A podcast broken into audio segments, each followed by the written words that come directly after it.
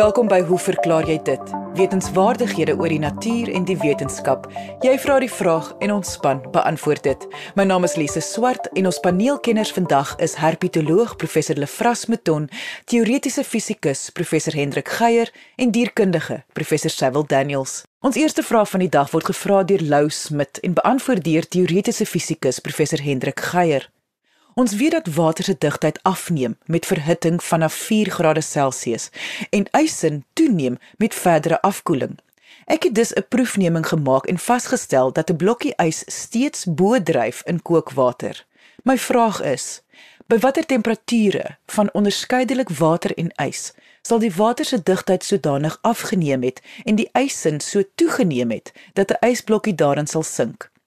Indien dit nie moontlik is onder normale atmosferiese toestande nie, sal dit dalk moontlik wees in 'n drukkamer waar die kookpunt van die water verhoog kan word. Professor Geier. Lou, dankie vir 'n interessante vraag. Ek wonder onder watter omstandighede die vraag by jou opgekom het. Dit, dit mag wel wees dat dit was toe jy uh, wat bekend staan as 'n ottermaklottertjie uh, laatmiddag uh in jou glas met ys wat daar dryf waargeneem het en uh, ek is nogal uh, beïndruk met met die proefneming wat jy gemaak het naamlik om vas te stel dat as jy 'n blokkie ys in kookwater gooi die ding nog steeds dryf.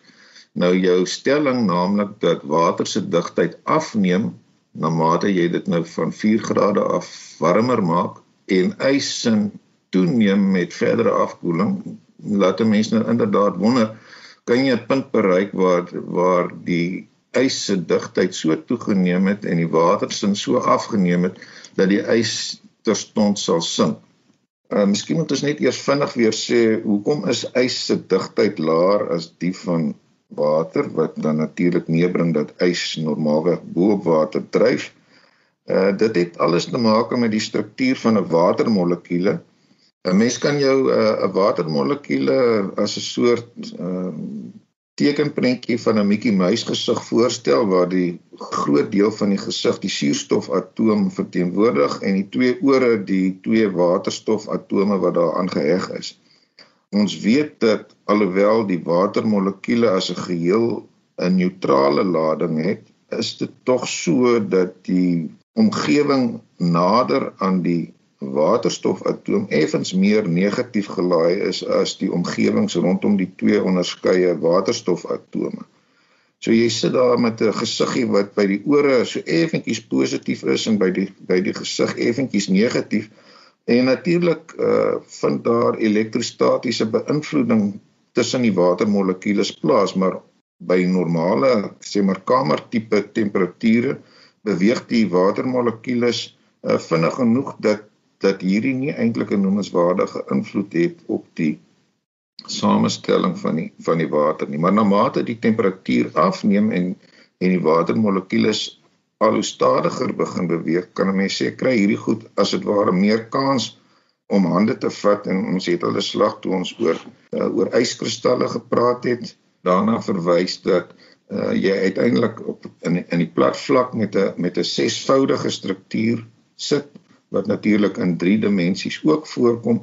So mense sit nou met 'n situasie waar uh, na mate die temperatuur afneem en die watermolekules hulle self in hierdie heksagonale tipe struktuur begin rangskik, dieselfde hoeveelheid watermolekules 'n groter ruimte begin inneem wat natuurlik beteken dat die digtheid vergeleke met water self uh, laer is en dus dryf die ys. Nou wat weet ons van water se digtheid? Wel by by 4 grade is dit tot by die vyfde desimaal 1 gram per kubieke sentimeter.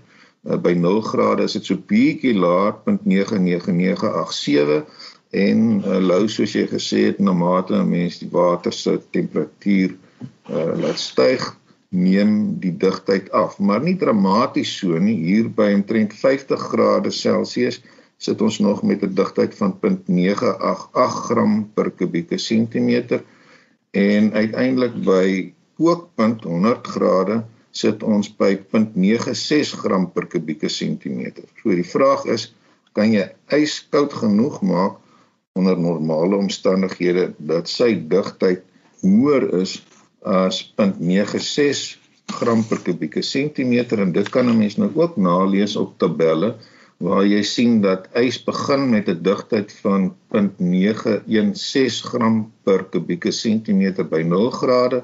En soos wat jy kouer raak neem die digtheid inderdaad toe. By -50 grade sit jy by 0.922 Ehm um, en die tabel wat ek in die hande kon kry lou gaan tot by -100 grade waar die digtheid 0.926 is wat natuurlik nou nog steeds laer is as die digtheid wat water by kookpunt kan bereik. Nou, jy kan nie water warmer as kookpunt maak nie behalwe soos jy nou eintlik aangedui het as jy die druk verhoog.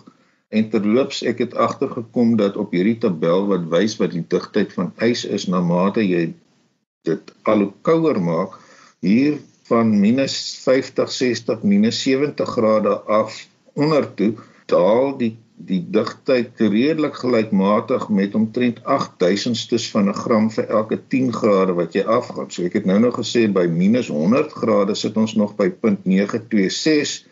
Nou ons kan nie laer as -273 grade Celsius gaan nie. Dis absoluut 'n nul nulpunt. En as 'n mens nou net direk ekstrapoleer dan sit jy by daardie temperatuur nog steeds met 'n digtheid van uh, 0.931 uh, gram per kubieke sentimeter wat steeds laer is as die laagste digtheid wat jy vir water kry deur dit warmer te maak. So hierdie is nou pen en papier berekeninge uh teen die tyd wat jy by -273 grade kom uh sal jy nie meer van ys praat nie dit sal iets heeltemal anders wees maar sommer net vir die oefening kan 'n mens nou op hierdie manier die twee situasies met mekaar vergelyk. So uh, lou jy's reg 'n mens mens kan nie jou water warm genoeg en jou ys by normale druk koud genoeg kry sodat ys digter as water is nie. Maar inderdaad kan 'n mens nou die situasie verander deur druk op die water toe te pas en ek het 'n tabel in die hande gekry op een of ander Amerikaanse regerings omgewing wat vir jou sê uh, wat die digtheid van water is en hulle het dit nou gedoen by 10000 pond per vierkante meter. Nou jy kan net die Engelse en die Amerikaners wees wat nou nog sulke onbeholpe eenhede gebruik. Dit vertaal na 680 atmosfeer of 680 bar vir alle praktiese doeleindes. In elk geval 'n baie hoë druk. En terloops uh, baie jare gelede was daar by die WNR 'n groep wat pertinent uh hoe druk eksperimente uitgevoer het. Ek is nie seker of daardie groep nog bestaan en met hulle werk voortgaan nie. Ons het destyds al skersend verwys daarna dat dit die mense was wat bloed uit staal kon tap of hulle of of trane uit staal kon tap deur net die druk toe te pas. Hoe ook al 680 atmosfere is nogal 'n stewige druk en as 'n mens nou sien wat gebeur met water, dan nommer 1, uh, dit bly water tot by ten minste 320 grade uh Celsius. Uh die digtheid uh is inderdaad besig om af te neem met temperatuur en ek merk dat hier by omtrent 180 grade bereik ons 0.930 en by 200 grade 0.905. So lou jy kan nou sien uh as jy in staat is om jou water onder 680 atmosfeer te kook, uh dan sal jy dit kan kook tot by 'n bietjie meer as 200 grade Celsius en by daai temperatuur is die digtheid van daai water laer as wat ys by 0 grade en gewone druk is. So die situasie wat jy jou voorgestel het dat as jy daai ysblokkie in daai water kan kry dat hy gaan sink alhoewel soos jy sê dit sal 'n kortstondige eksperiment wees want die ysblokkie gaan nie baie lank oorleef in daai water nie en ek weet ook nie presies hoe gaan jy daai ysblokkie in die kookwater kry nie maar ten minste teoreties bestaan die situasie dat jy water onder druk se digtheid dermate kan verlaag dat dit uh, laer is as die digtheid van ys selfs by gewone atmosferiese druk en by 0 grade en dat onder daai omstandighede uiteraard sal die ys in die in die water sink. So dit is 'n mooi leunstoel eksperiment lou en ek dink jy het hom knap uitgedink. Uh, maar ek weet nie of enige iemand uh, die moeite gaan doen om tegnies 'n situasie te bewerkstellig waar jy uh, uiteindelik op die bekende videokanaal 'n video sal kan wys waar die ys in daai water sink nie. En dit was teoretiese fisikus professor Hendrik Geier. Indien jy 'n vraag het, stuur jou e-pos na lise@rsg.co.za. Ons volgende vraag van die dag word gevra deur Jaco Bruitenberg en beantwoord deur herpetoloog professor Lefras Meton. Jaco skryf: By ons huis hier in Potchefstroom het ons 'n al hoe groter wordende probleem met uitheemse geitjies. Volgens hom hou hy nie van hulle nie, want hulle verdryf inheemse springgeitjies, hulle mors teen die mure en daar word ook vermoed dat hulle die binnenshuise alarm aktiveer deur oor die sensors te loop. Hy het dus oorlog teen hulle verklaar en soek advies om van hulle ontslae te raak. Professor Mouton Lise as my identifikasie op grond van Jaco se beskrywing korrek is, is die groter een wat hy nou die uitheemse geitjie noem, die tropiese huisgeitjie Hemidactylus mabuya en die kleiner een wat hy 'n springgeitjie noem die Kaapse dwerggeitjie Ligodactylus capensis nou beide hierdie twee geitjies is berugte rylopers omdat hulle baie nou met die mens dis nou sy geboue en sy aktiwiteite geassosieer is word hulle dikwels onbewustelik deur mense na plekke buite hulle normale verspreidingsgebied vervoer waar klein populasietjies dan ontstaan. Waar die dwerggeitjies se natuurlike verspreidingsgebied in die noordoostelike dele van Suid-Afrika is, is daar vandag ook klein populasietjies veral in kusdorpe tot sover as Kaapstad in die verre suidweste. As ek reg onthou is die eerste dwerggeitjies in die Kaapstad omgewing spesifiek by kwekerye opgemerk en hulle het waarskynlik dan die Kaap bereik saam met vragmotors wat plante van die noorde af vervoer het. Die tropiese huisgeitjies se natuurlike verspreiding in suidelike Afrika is ook in die noordoostelike gebiede en dan al met die kus langs deur KwaZulu-Natal tot in die kusgebied van die Oos-Kaap. Daar word egter gereeld nuwe waarnemings ver na die binneland aangemeld en Potchefstroom is juis een van hierdie nuwe populasies wat gevestig het. Hierdie geitjie het ook uit Afrika sy weg na ander wêrelddele soos Noord- en Suid-Amerika en die Karibiese eilande gevind.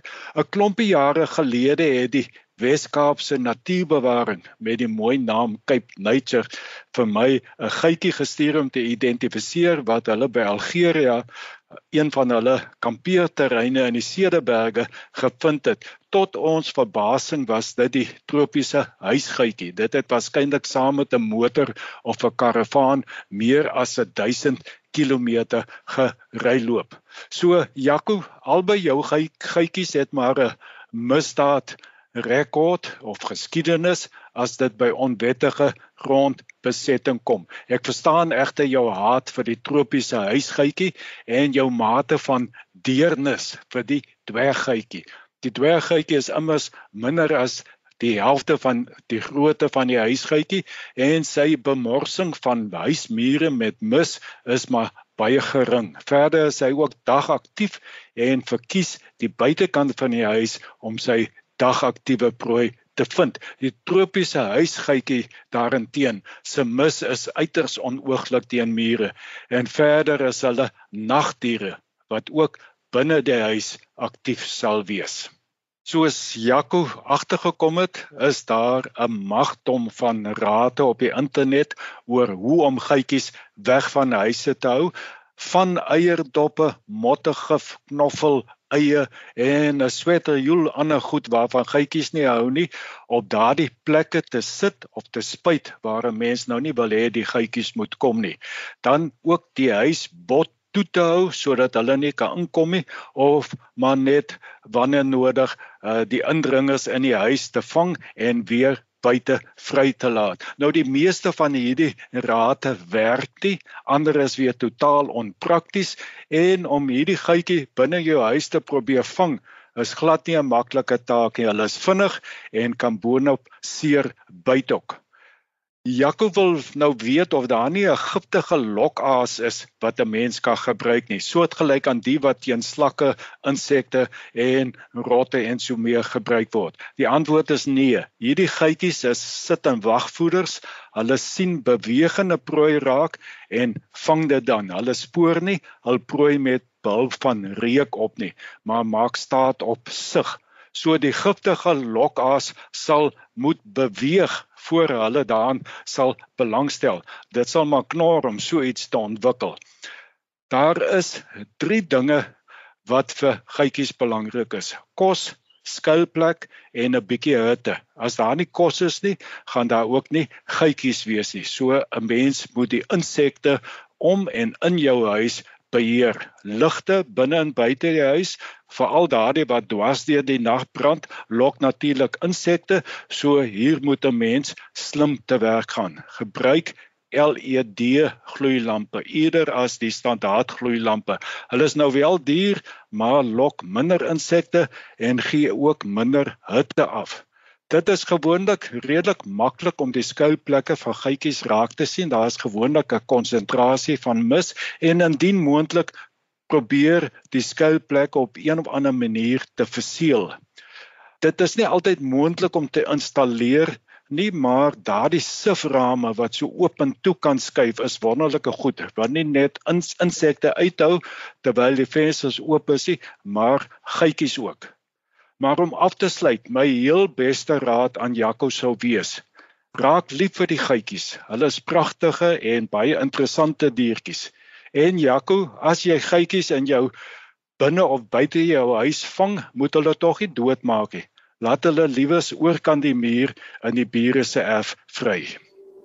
Jy luister na Hoe verklaar jy dit op RSG 100 tot 104 FM.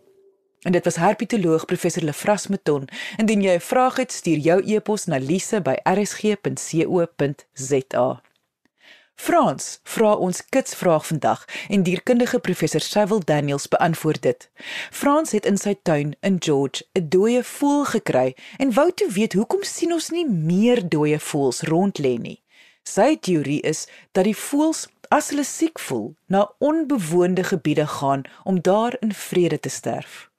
Nee, dis 'n baie oulike vraag, maar kom ons kyk gou eers na die tempo van ontbinding word gewoonlik bepaal deur die tempo van die omgewing. Met ander woorde die buitenste omgewing, maar ook die interne omgewing van die organisme.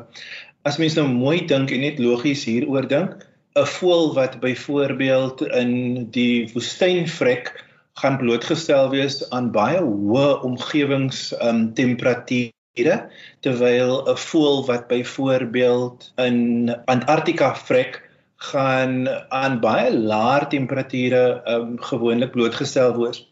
So die eksterne temperatuur het 'n groot impak op die tempo van van ontbinding by die diere. Maar daar is ook natuurlik 'n interne meganisme. Met ander woorde, daar is ook hitte wat intern opgewek kan word Nou moet 'n mens jouself afvra, waar kan hierdie hitte dan vandaan kom? Nou in die meeste gevalle kom die interne hitte van die organisme met betrekking tot ontbinding dan nou van bakterieë en 'n mens moet nou net ook onthou dat gewoonlik skei hierdie bakterieë ook 'n groot hoeveelheid ensieme af wat dan nou die ontbindingsproses versnel. Dit is ook waar uit die aard van die saak dat die die dooie voëls baie maklik deur ander predatore of omnivore opgevreet kan word. Maar in die algemeen is daar twee hoofontbindingsstappe. Autolyse en auto soos die woord nou aandui is self en lyse is die afbreking. Met ander woorde, die dier wanneer die dier sterf, gaan hy tot 'n groot mate um, of dit tot 'n groot mate amper selfverantwoordelik wees vir die chemiese vernietiging van die organiese materiaal wat teenwoordig is. En hoe gebeur dit dan nou? Wel, wanneer die dier vrek, gaan die dier gewoonlik die sel se materiaal, die organelle binne die sel, organelle soos byvoorbeeld die lisosome gaan bars en dit gaan dan nou um gewoonlik litiese ensieme afskei en hierdie litiese ensieme gaan dan nou hierdie hele ontbindingsproses um begin soveel so dat die dier amper 'n sopagtige inhoud gaan ontwikkel. 'n Mens dink byvoorbeeld aan spinnekoppe, um, wat wanneer hulle hulle prooi item vang, gewoonlik proteolitiese ensieme in die prooi item inspuit en hierdie proteolitiese ensieme, soos die woord nou aandui, gaan proteïene begin verteer sodat die inhoud van die prooi item by spinnekoppe byvoorbeeld gaan ook 'n sopagtige matriks vorm, maar dit help dan nou weer die ehm um, die spinnekop om amper die prooi se inhoud op te suig. Dan is die tweede proses wat hierby hiermee gepaard gaan is is verrotting en dit word ook in die algemeen aangehelp deur bakterieële ehm um, aksie en hierdie hele verrotting skei 'n komponent af wat kadaverien genoem word en as 'n mens gewoonlik dink aan 'n dooie liggaam, dink jy gewoonlik aan 'n kadaver. Met ander woorde, daar's chemiese of verrottingsgasse wat gewoonlik gepaard gaan met die ontbindingsproses en hierdie chemiese of verrottende um, gasse hulle lok dan nou spesifiek die brommers of die vlee na die ontbindende liggaam toe wat dan nou natuurlik ook help met die ontbinding van die organisme. So daar is gewoonlik 4 stadia van hierdie verteringsprosesse: otolise en dan nou die ontbinding. Die karkas is gewoonlik vars.